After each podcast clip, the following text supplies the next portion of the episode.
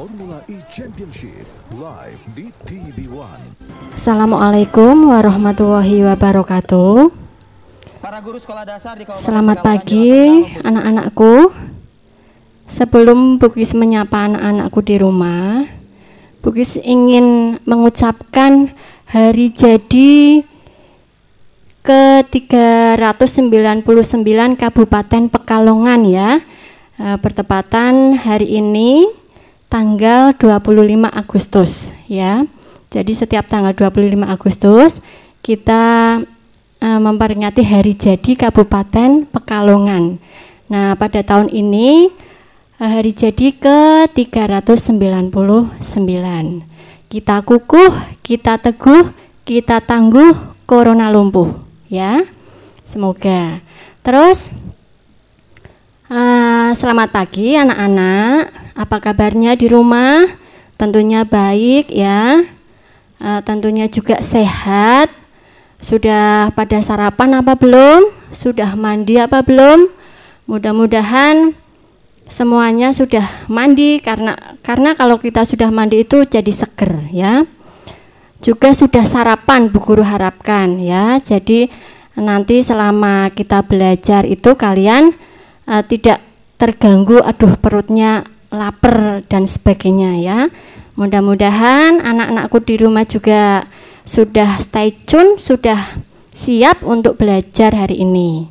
Kemudian selamat pagi juga kepada Bapak Ibu guru di SDN 01 Tegalontar yang hari ini eh, sedikit berbeda yang ibu-ibu tadi memakai kebaya ya dan bapak-bapak memakai beskap blangkon karena salah satu eh, apa itu memperingati hari jadi kita eh, memakai kebaya dan baskap itu ya. Eh, juga Bapak Ibu semoga yang di sekolah juga sehat, semangat yang melaksanakan tugas hari ini semangat juga tetap tetap selalu bahagia dan tersenyum. Kemudian Bapak dan Ibu wali murid di rumah yang hari ini sedang mendampingi putra-putrinya belajar. Apa kabarnya? Selamat pagi. Semoga Bapak dan Ibu juga dalam keadaan yang sehat ya dan tidak bosan untuk selalu mengingatkan putra-putrinya untuk belajar ya eh, khususnya melalui radio pada hari ini. Kemudian saya juga ingin menyapa teman lebih dari teman Umi ya. Umi kemarin nggak sengaja ketemu di jalan. Umi Ambar yang ada di SDN Bulak Pelem ya. Umi apa kabar? Mudah-mudahan Umi Ambar selalu sehat ya sehingga tetap semangat. Katanya kemarin eh, ingin ikut siaran. Ya saya tunggu ya Umi ya. Saya tunggu loh di studio di Kecarakom katanya aku mau ikut siaran. Boleh nggak kis? Boleh. Saya tunggu nanti kita duet siaran eh, double. Ya Mi? Terus kita kembali selanjutnya. Selama kurang lebih satu jam Bukis akan menemani belajar lewat Kejarakom kelas mengajar di radio komunitas Seragi pada frekuensi 107,9 FM anak-anak Sebelum kita mulai belajar, seperti biasa ya, kalian siapkan dulu peralatannya, buku, pulpen, pensil, kalian siapkan, buku tulis LKS-nya, terus radionya juga. Pastikan radionya itu eh, pas frekuensinya ya, sehingga eh, bisa jelas didengar anak-anak di rumah. Alhamdulillah katanya kemarin uh, jelas ketimbang tahap satu yang dulu agak kurang jelas ini yang ini katanya jelas lebih jelas Alhamdulillah ya jadi anak-anak yang di rumah bisa mengikuti belajar melalui radio itu dengan jelas suaranya jadi bisa didengar dengan baik tidak kemrusuk begitu ya sebelum kita belajar uh, seperti biasa yuk kita berdoa dulu ya Semoga belajar kita selama satu jam itu diberikan kelancaran. Berdoa mulai.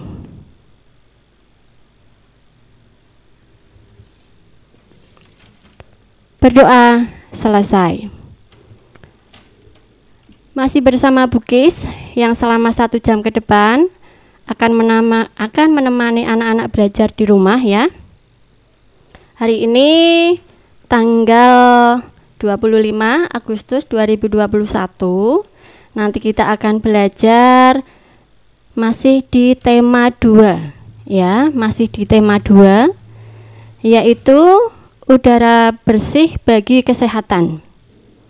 Pada subtema 1 yaitu cara tubuh mengolah udara bersih. Nah, hari ini Bukis ingin belajar ingin menyampaikan materi pada muatan pelajaran IPA, ilmu pengetahuan alam ya. Pada KD 3.2 yaitu menjelaskan organ pernapasan dan fungsinya pada hewan dan manusia serta cara memelihara kesehatan organ pernapasan manusia. Dengan tujuan pembelajaran melalui media radio Siswa dapat menjelaskan organ pernapasan dan fungsinya pada hewan dan manusia, serta cara memelihara kesehatan organ pernapasan manusia. Ya, uh, hari ini kita akan belajar pada PB 1, 2, dan 5. Ya, jadi nanti kita belajar IPA itu ada 3 PB Kemudian pada materi tentang pernapasan pada hewan dan manusia. Ya, kita jeda dulu sebentar sambil menunggu anak-anakku mempersiapkan peralatan dan sebagainya.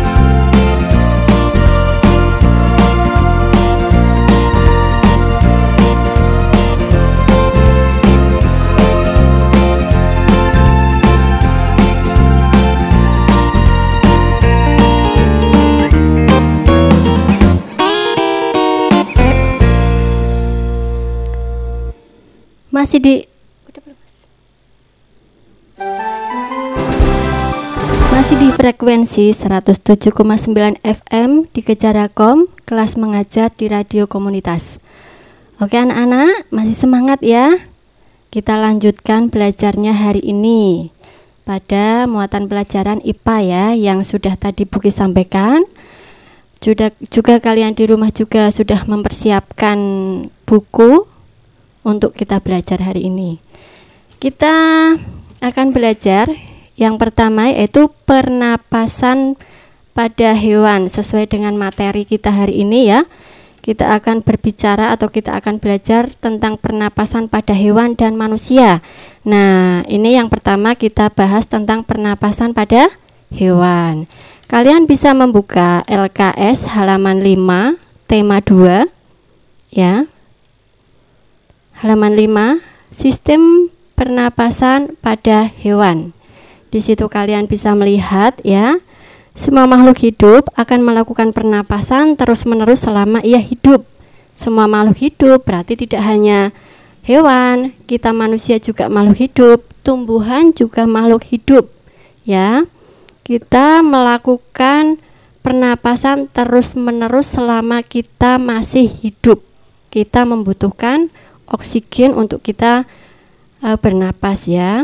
Nah, tujuan pernapasan yaitu untuk memperoleh oksigen dari udara dan mengeluarkan gas sisa pembakaran atau atau karbon dioksida dari dalam tubuh ya. Terus proses bernapas menghasilkan energi yang digunakan untuk kegiatan hidupnya. Sistem pernapasan pada hewan ada bermacam-macam ya. Nanti kita pelajari satu persatu kita bahas bareng-bareng ya. Kalian di rumah tidak usah mencatat ya. Kalian apa? menyimak saja bersama Bukis di sini ya. Nah, berikut akan dijelaskan, kita akan jelaskan mengenai sistem pernapasan pada hewan. Yang pertama yaitu sistem pernapasan pada serangga. Itu ya, bisa kalian lihat. Nah, serangga itu uh, memiliki memiliki sistem pernapasan yang disebut trachea. Ya. Trachea merupakan pembuluh-pembuluh halus bercabang yang memenuhi seluruh bagian tubuh serangga. Udara keluar masuk melalui lubang-lubang di kedua sisi tubuhnya. Ya, lubang-lubang pernapasan tersebut dinamakan spirakel pada setiap ruas tubuh terdapat sepasang spirakel yaitu di sebelah kiri dan di sebelah kanan. Spirakel merupakan muara pembuluh-pembuluh trakea dan selalu terbuka. Gerakan otot tubuh yang teratur pada serangga menyebabkan keluar masuknya udara pada tubuh ya. Uh, Bukis perlu sampaikan bahwa nanti setelah materi ini selesai akan ada evaluasi yang harus kalian kerjakan uh, di rumah ya. Tentunya setelah kalian mendengarkan materi dari Bukis. Nanti evaluasinya ada kok pada LKS juga ya. Uh, halaman berapa ini ya? Sebentar. Nah, nanti evaluasi Bukis akan menggunakan latihan-latihan yang ada di LKS halaman 34 ya yang muatan pelajaran IPA. Di situ ada 10 nomor. Nanti ya, jadi kalian silahkan nanti materinya dipahami ya. Nanti akan ada hubungannya dengan evaluasi yang akan Buki sampaikan atau yang sudah ada pada buku itu halaman 34 ya. Jadi eh, mohon anak-anak nanti bolehlah sesekali melihat soal oh, Bukis menerangkan bagian apa ini. Jadi nanti kalian bisa uh, menyimak sekaligus juga mengerjakan. Jadi selesai Bugis menerangkan materi, selesai juga kamu mengerjakan soal. Jadi yang biasanya kalian minta bantuan sama kakak misalkan, sama ibu, bapak. Ya kalau bapak ibunya ada pas di rumah. Kalau mereka bekerja kan sampai nanti malam ya kan, nanti sore Nah, ini kalian bisa bisa melihat soal ya. Juga oh Bugis menerangkan bagian apa ini? Ada nggak nanti dievaluasi soal soalnya itu? Gitu ya. Kita kembali lagi ke selanjutnya yaitu sistem yang kedua sistem pernapasan pada ikan atau pisces ya. Sistem pernapasan pada ikan atau pisces di sini halaman 6 ya. Kalian bisa lihat ikan bernapas dengan menggunakan insang. Kalau tadi apa ini serangga itu menggunakan trachea. Kalau ikan ini bernapasnya menggunakan insang. Insang ikan terdiri atas empat pasang yang letaknya ber, berada di sebelah kanan dan kiri kepala insang. Kamu perhatikan juga gambarnya ada kan itu ya? Nah, itu ada gambarnya kalian perhatikan juga. Insang terdiri atas rigi-rigi insang, lembaran-lembaran insang dan lengkungan insang. Lembaran insang memiliki warna merah dikarenakan banyak mengandung pembuluh darah pada lembaran insang inilah terjadi proses pertukaran udara. Adapun lengkung insang memiliki warna putih. Lengkung insang berfungsi sebagai tempat melekatnya lembaran insang ya. Jadi misalkan kalau ibu pergi ke pasar mau membeli ikan, itu biasanya memilih yang insangnya warnanya merah. Itu berarti artinya ikan itu masih seger. Masih baru, baru dipanen. Misalkan baru diambil dari laut atau baru dipanen ya. Itu yang insangnya masih merah itu berarti ikan itu masih segar biasanya seperti itu. Mungkin anak-anak yang biasa ikut ibu ke pasar ibu kalau memilih ikan itu kok kepalanya dibuka itu dilihat apanya ya. Nah itu insangnya dilihat yang masih warna merah itu berarti ikan itu masih bagus ya kemudian kita ke yang ketiga sistem pernapasan pada katak atau amfibi ya. Nah, di sini sistem pernapasan pada kata-kata amfibi ini ya. Amfibi itu kan hidupnya di dua alam, di darat dan di air, ya kan?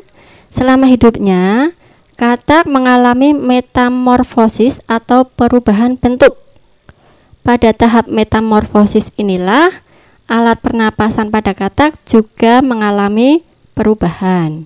Tahap perkembangan katak dimulai dari telur, kemudian menetas menjadi berudu, berudu hidup di air dan bernapas dengan insang. Pada saat masih berbentuk berudu, insang katak berupa insang luar. Insang luar berjumlah tiga pasang dan terletak di sisi kiri, kanan, dan belakang kepala berudu. Pada saat berudu mulai berkaki, tumbuh semacam lipatan kulit yang menutupi insang luar sehingga terbentuk insang dalam. Berudu berkaki tumbuh menjadi katak kecil lalu menjadi katak dewasa, ya. Setelah berubah menjadi katak dewasa, pernapasan dilakukan dengan menggunakan paru-paru untuk memompa udara masuk ke dalam paru-paru otot rahang bawah, katak, mengembang dan mengempis. Jadi tadi kalau masih berudu itu menggunakan insang, kalau sudah menjadi katak dewasa itu menggunakan paru-paru, ya. Kemudian yang keempat, sistem pernapasan pada cacing tanah. Ayo coba kalian lihat evaluasinya ada apa enggak ini? Nah, kalian lihat ya. Jadi kita belajar sekaligus kita mengerjakan tugas hari ini ya cacing tanah cacing tanah melakukan pernapasan melalui seluruh permukaan tubuhnya ya Permukaan tubuh cacing tanah terdiri atas kelenjar-kelenjar yang menghasilkan lendir. Lendir inilah yang menyebabkan permukaan cacing selalu terlihat basah. Kulit cacing, kulit cacing tanah selalu basah untuk memudahkan terjadinya pertukaran udara. Di bawah permukaan kulitnya ternyata terdapat kapiler-kapiler darah. Melalui kapiler ini, oksigen berdifusi masuk ke dalam kulit, lalu ditangkap dan diedarkan oleh sistem peredaran darah. Sebaliknya, karbon dioksida yang terkandung dalam darah dilepaskan dan berdifusi keluar tubuh. Ini kayak ada tadi di soal. Kalau nggak salah itu yang eh, akhir-akhir uh, ya nomor-nomor bawah itu ada. Silahkan nanti sekalian aja nanti ditulis ya. Tadi cacing tanah melakukan pernapasan melalui seluruh permukaan tubuhnya. Permukaan tubuh cacing tanah terdiri atas kelenjar-kelenjar yang menghasilkan lendir. Itu ada kok di LKS ya. Kita ke selanjutnya yaitu sistem pernapasan pada mamalia. Nah, hewan mamalia bernapas menggunakan paru-paru. Hewan mamalia itu seperti apa aja contohnya ya? Banyak sekali hewan mamalia itu berarti hewan yang menyusui ya, yang menyusui anaknya. Misalkan uh, kayak kambing, kayak kerbau, kucing, tikus, ular, ya, angsa. Nah, hewan mamalia itu ada yang hidupnya di darat, banyak sekali tadi contohnya ya yang hidupnya di darat dan menyusui, melahirkan. Itu tadi seperti yang sudah Bugis sebutkan.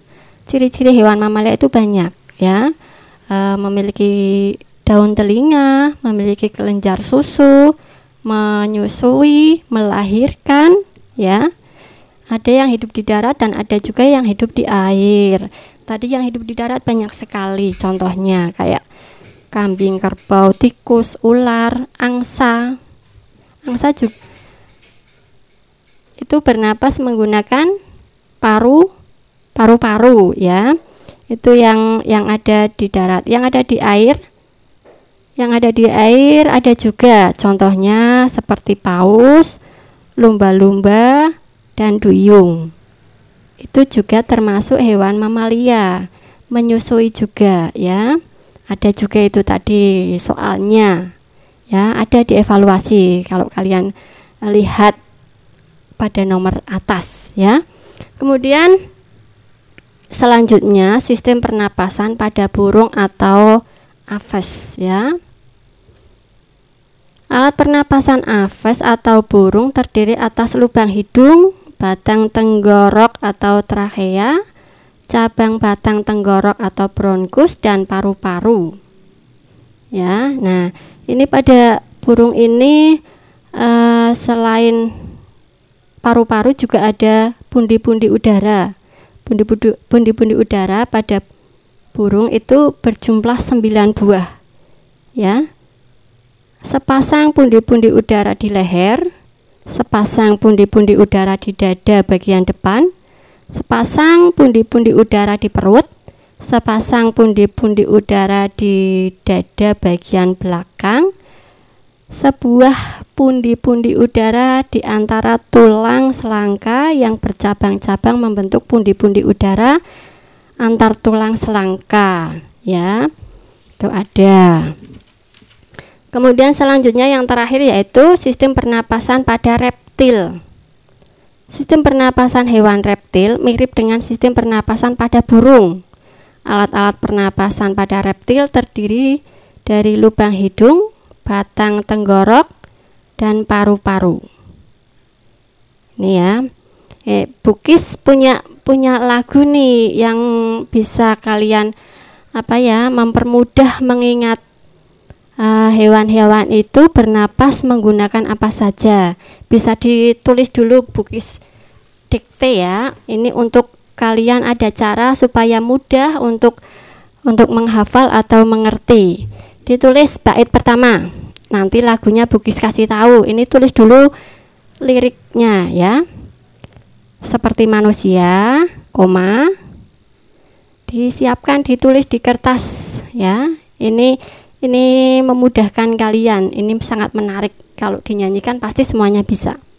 Seperti manusia, hewan juga bernapas. Sudah? Seperti manusia, hewan juga bernapas. Bawahnya, tapi hewan berbeda alat pernapasannya. tapi hewan berbeda alat pernapasannya. Ditulis ya yang di rumah ya anak-anak ya. Baris ketiga. Serangga pakai trachea. Ikan memakai insang. Lukis ulangi. Serangga pakai trachea. Ikan memakai insang. Sudah, bawahnya. Kalau cacing, permukaan kulit. Kalau cacing, permukaan kulit. Kemudian bait kedua, itu tadi bait pertama ada empat baris, ini bait kedua juga. Pada fase berudu, pada fase berudu, katak memakai insang. bawahnya jika dewasa pakai paru-paru dan kulit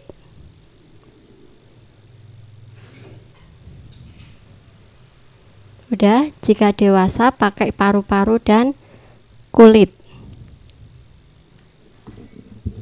kemudian baris ketiga reptil dan mamalia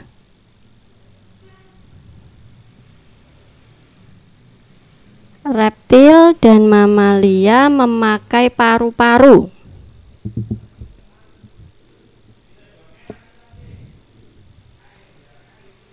Burung juga memakai paru-paru itu baris keempat. Burung juga memakai paru-paru. Bukis ulangi dari atas ya. Barangkali tadi ada yang sempat belum menulis atau tertinggal ya ini ini sangat mudah lagunya untuk nanti kalian menghafal. Bukis ulangi ya. Seperti manusia, hewan juga bernapas. Tapi hewan berbeda alat pernapasannya. Serangga pakai trachea, ikan memakai insang. Kalau cacing permukaan kulit. Pada fase berudu, katak memakai insang. Jika dewasa pakai paru-paru dan kulit, reptil dan mamalia memakai paru-paru, burung juga memakai paru-paru. Sudah? Ya, nanti kita dengarkan bareng-bareng ya. Boleh nyanyi bareng-bareng. Ini sangat mudah. Nada lagunya itu becak. Becak yang lagu anak-anak itu ya. Nada lagunya nada lagu becak. Kita bernyanyi bersama-sama. Sudah siap apa belum? Sambil kita menunggu ya, kalian dipersiapkan.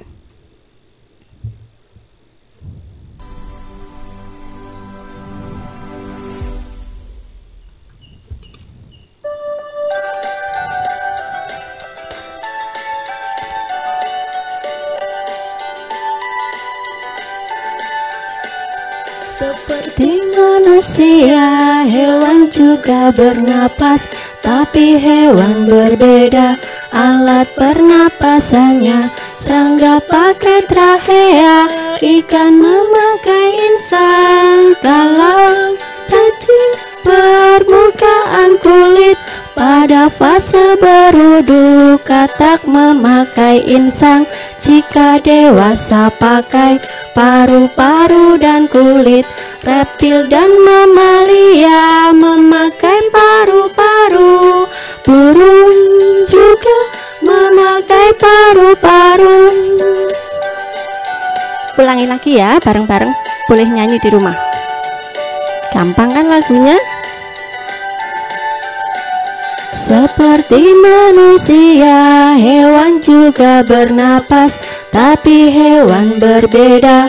Alat pernapasannya, serangga pakai trachea, ikan memakai insang. Kalau cacing permukaan kulit, pada fase berudu katak memakai insang Jika dewasa pakai paru-paru dan kulit Reptil dan mamalia memakai paru-paru. Burung juga memakai paru-paru.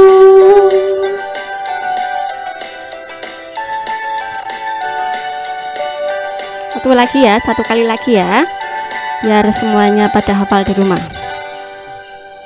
Satu kali lagi ya, coba yang tadi belum nyanyi, nyanyi bareng.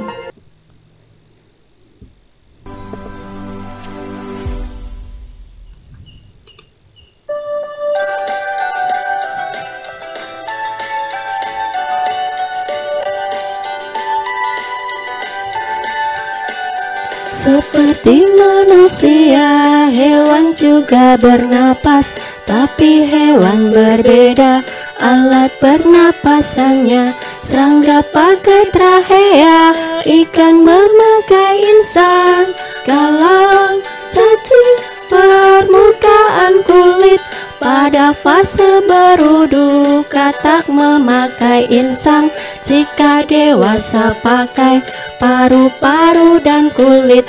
Reptil dan mamalia memakai paru-paru.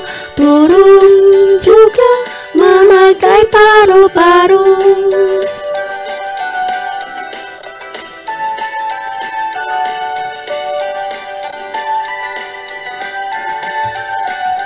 Seperti manusia, hewan juga bernafas, tapi hewan berbeda. Alat pernapasannya, serangga pakai trachea, ikan memakai insang, kalau kucing permukaan kulit pada fase berudu katak memakai insang jika dewasa pakai paru-paru dan kulit reptil dan mamalia memakai paru-paru. Burung juga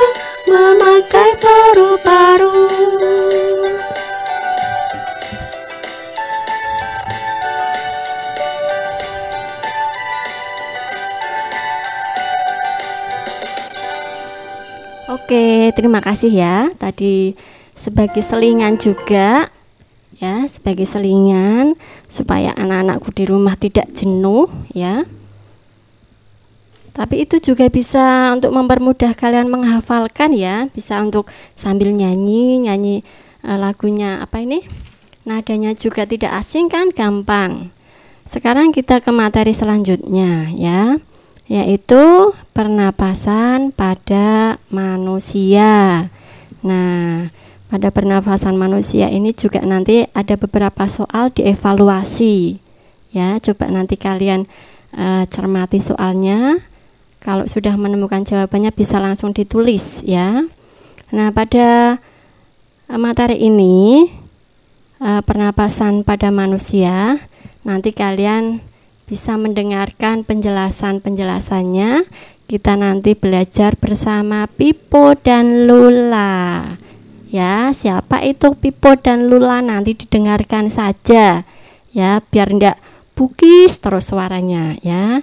Uh, ini lebih menarik. Nanti diperhatikan ya materi pernapasan pada manusia. Terus yang terakhir juga ada nanti uh, pernapasan itu ada dua macam pernapasan dada dan perut juga ada ini didengarkan materinya ya materi selanjutnya.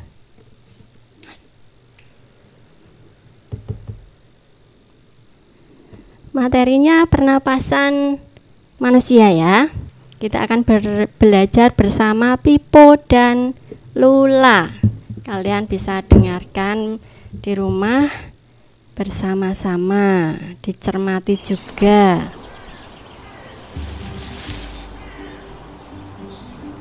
Manusia, hewan maupun tumbuhan, sebagai makhluk hidup, kita perlu oksigen untuk hidup. Waktu bernafas, kita mempunyai organ-organ yang bekerja sama dan membentuk sistem organ yang bekerja mengatur oksigen yang ada di lingkungan hidup sampai pada setiap sel yang kita butuhkan.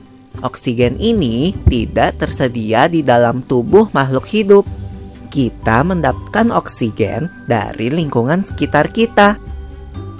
Bernafas artinya kegiatan menghirup atau memasukkan oksigen dari lingkungan hidup dan mengeluarkan karbon dioksida dan uap air melalui alat pernafasan kita.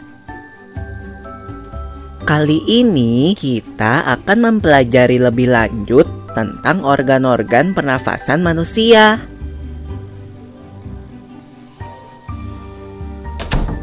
Lula, kamu tahu enggak kalau alat pernafasan kita terdiri atas hidung, pangkal tenggorok atau laring, batang tenggorok atau trakea, cabang batang tenggorok atau bronkus, dan paru-paru.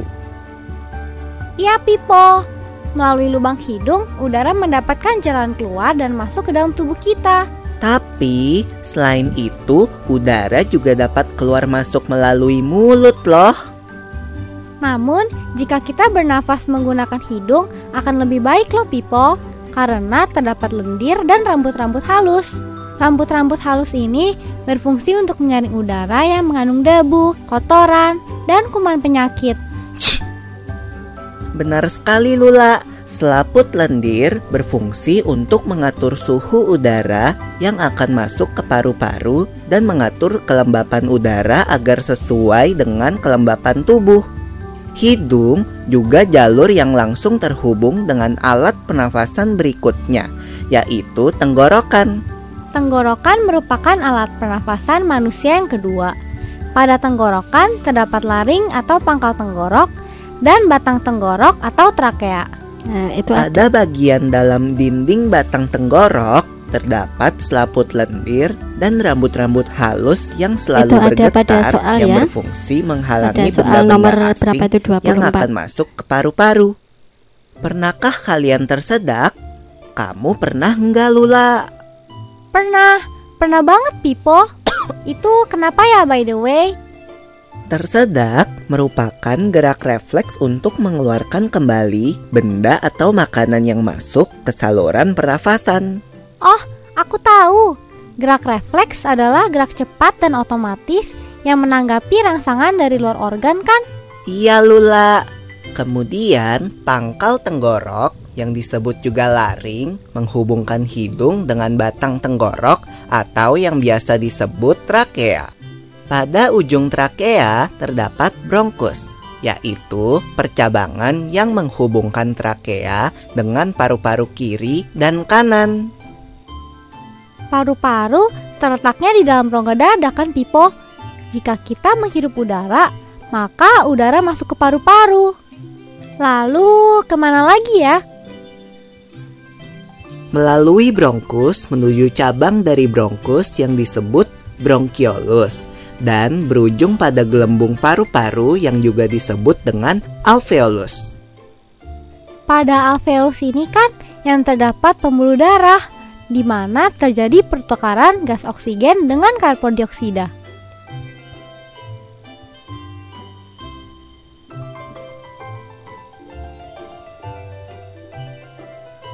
Well, Pipo, tahu gak kalau sistem pernafasan kita terdiri dari dua kan? Yaitu sistem pernafasan dada yang umum kita lakukan dan juga sistem pernafasan perut. Jelasin dong Pipo, apa sih perbedaan detailnya? Pernafasan dada terjadi karena gerakan tulang rusuk oleh otot-otot antar rusuk. Pengambilan udara terjadi saat otot antar rusuk berkontraksi atau mengerut, sehingga tulang rusuk terangkat ke atas menyebabkan rongga dada dan paru-paru membesar. Oh begitu, berarti pengeluaran udara terjadi saat otot antar rusuk berelaksasi atau mengendur. Saat itu, tulang rusuk turun ke posisi semula, menyebabkan rongga dada dan paru-paru mengecilkan. Ya, benar sekali. Lalu menurut kamu bagaimana dengan pernafasan perut kita Lula? Itu ada pada halaman 24 ya anak-anak ya Aku LKS. belum yakin banget sih Pipo, jelasin dong. Pernafasan perut terjadi karena gerakan otot diafragma yaitu sekat yang membatasi antara rongga dada dan rongga perut. Pengambilan udara terjadi saat otot diafragma berkontraksi. Posisi diafragma mendatar menyebabkan rongga dada dan paru-paru membesar. Berarti pengeluaran udara terjadi saat otot diafragma berelaksasi. Posisi diafragma melengkung ke atas, lalu menyebabkan rongga dada dan paru-paru mengecil. You're right, Lula. Lalu, gimana kalau kita sesak nafas karena banyak asap? Itu akan kita bahas lagi dalam video selanjutnya. Oke, terima kasih Pipo dan Lula yang sudah membantu menerangkan materi pernapasan pada manusia ya. Terima kasih Pipo dan Lula. Bagaimana anak-anak? Tadi sudah didengarkan bareng-bareng ya. Eh, pernapasan pada manusia itu dari hidung, pangkal tenggorok ya kan, batang tenggorok, paru-paru, alat-alatnya ya alat-alat pada pernapasan manusia itu hidung pangkal tenggorok batang tenggorok cabang batang tenggorokan anak cabang batang tenggorokan dan paru-paru. Itu ada pada uh, evaluasi nomor 24 itu 24 kan trachea ditunjukkan oleh abjad. Bisa kalian lihat gambarnya. Trachea itu tadi adalah sama juga namanya batang tenggorokan. Nah, batang tenggorokan itu letaknya ya setelah hidung, kemudian masuk. Nah, itu sebelum sampai paru-paru itu di antara dari hidung sampai paru-paru itu yang batang tenggorok itu berarti pada abjad apa itu kalau kamu perhatikan gambarnya ya. Nah, kalau hidung itu C, mulut D. Nah, itu ke bawah E, ya kan? Nah, kalau kamu tadi mendengarkan bisa sih mengerjakan tadi pertukaran gas oksigen dan karbon dioksida itu terjadi di mana? Di dalam paru-paru itu kan ada ada alveolus. Nah, ya di dalam paru-paru itu ada alveolus terdapat alveolus lah. Di alveolus di alveolus itulah terjadinya ya. Nah, terus Bugis mau menambahkan sebentar sedikit Pernapasan dada dan pernapasan perut ada dua, proses inspirasi dan proses ekspirasi. Itu pada dada dan perut juga sama ya. Proses inspirasi dan proses ekspirasi. Itu pada pernapasan dada dan perut. Ya, kalau kalau kamu tadi mendengarkan sih bisa langsung dikerjakan. Ya. Jangan lupa anak-anakku tetap belajar ya dikerjakan tugas-tugasnya dari Bu Kis maupun Bu Uci ya. Tak terasa tidak terasa satu jam sudah hampir selesai ini ya anak-anak ya. Nah kita belajar selama satu jam hampir sudah selesai. Tadi kita uh, belajar tentang pernapasan hewan dan manusia. Seperti biasa sebelum Bukis akhiri pembelajaran kita, pesan Bukis. Bukis juga tidak akan bosan menyampaikan pesan, memberikan pesan. Jaga kesehatan yang pertama ya. Jaga kesehatan itu ya makan makanan yang bergizi, istirahat yang cukup, olahraga yang teratur. Ya. Juga protokol kesehatan harus selalu diterapkan 5M. 5M sekarang tidak 3M lagi, tapi 5M memakai masker, mencuci tangan di air yang mengalir, menjaga jarak, menghindari kerumunan dan mengurangi mobilitas ya. Terus tugas hari ini juga diselesaikan. Nanti insya Allah pada akhir minggu hari Sabtu boleh dikumpulkan tugasnya e, dikerjakan di buku tugas masing-masing ya tidak usah kalian mencatat soalnya Langsung jawabannya saja diberi tanggal muatan pelajaran apa ya. Tetap semangat ya untuk terus belajar e, walaupun belajar kita masih dengan PJJ tapi kita harus tetap semangat karena uh, sampai saat ini kita belum diperbolehkan tatap muka. Jangan lupa besok pagi tetap di frekuensi yang sama yaitu 107,9 FM di jam yang sama jam 9 untuk kelas 5 ya. Besok kalian bertemu atau berjumpa dengan Bu Ucih Kursi ya. Nah terakhir Buki sampaikan terima kasih uh, kepada Bapak atau Ibu yang sudah membantu anak-anak mendampingi anak-anak belajar ya. Um, Bukis mohon maaf apabila dalam penyampaian hari ini pagi hari ini kok uh, mungkin ada kata-kata yang kurang berkenan di hati Bapak dan Ibu saya mohon maaf. Juga bagi anak-anak mungkin kalau Bugis menyampaikannya kok agak cepat ya. Bugis juga mohon maaf kalau kalian mau tanya boleh. Silakan capri boleh di grup kelas boleh di grup kecarakom juga boleh. Mau tanya tentang tugas boleh materi juga boleh ya. Uh, sebelum materi uh, belajar kita ditutup dengan doa, apa kita mau nyanyikan satu lagi yang tadi yang lagu becak itu yang yang tadi itu ya alat-alat uh, pernapasan pada hewan ya. Sebelum kita tutup doa kita nyanyi satu lagi ya bareng-bareng ya bersama-sama juga dengan anak-anak yang di rumah.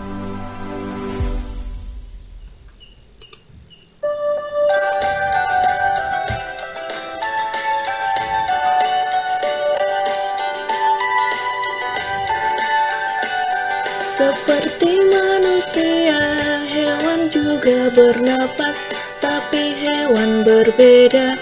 Alat pernapasannya, serangga pakai trachea, ikan memakai insan. Kalau cacing permukaan kulit, pada fase berudu katak memakai insang Jika dewasa pakai paru-paru dan kulit Reptil dan mamalia memakai paru-paru. Burung juga memakai paru-paru.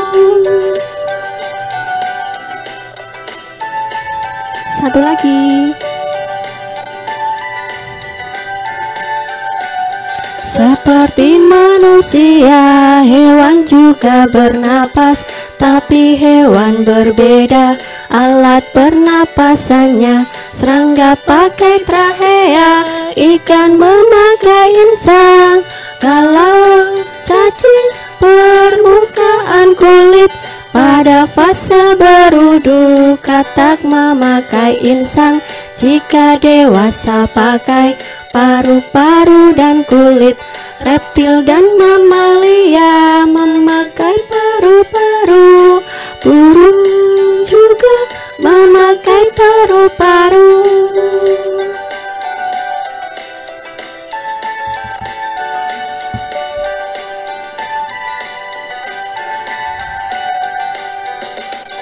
Oke, terima kasih ya anak-anak yang sudah mau bernyanyi bersama Bukis ya.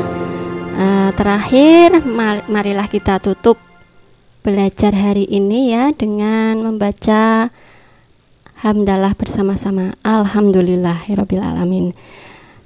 Uh, tetap semangat untuk selalu uh, mendengarkan Kecara Kom, untuk selalu belajar di Kecara Kom ya. Kelas mengajar di radio komunitas kelas 5 ya. Uh, Bukis mohon maaf, sampai jumpa lagi di lain hari, di lain yang di lain kesempatan. Terima kasih saya ucapkan.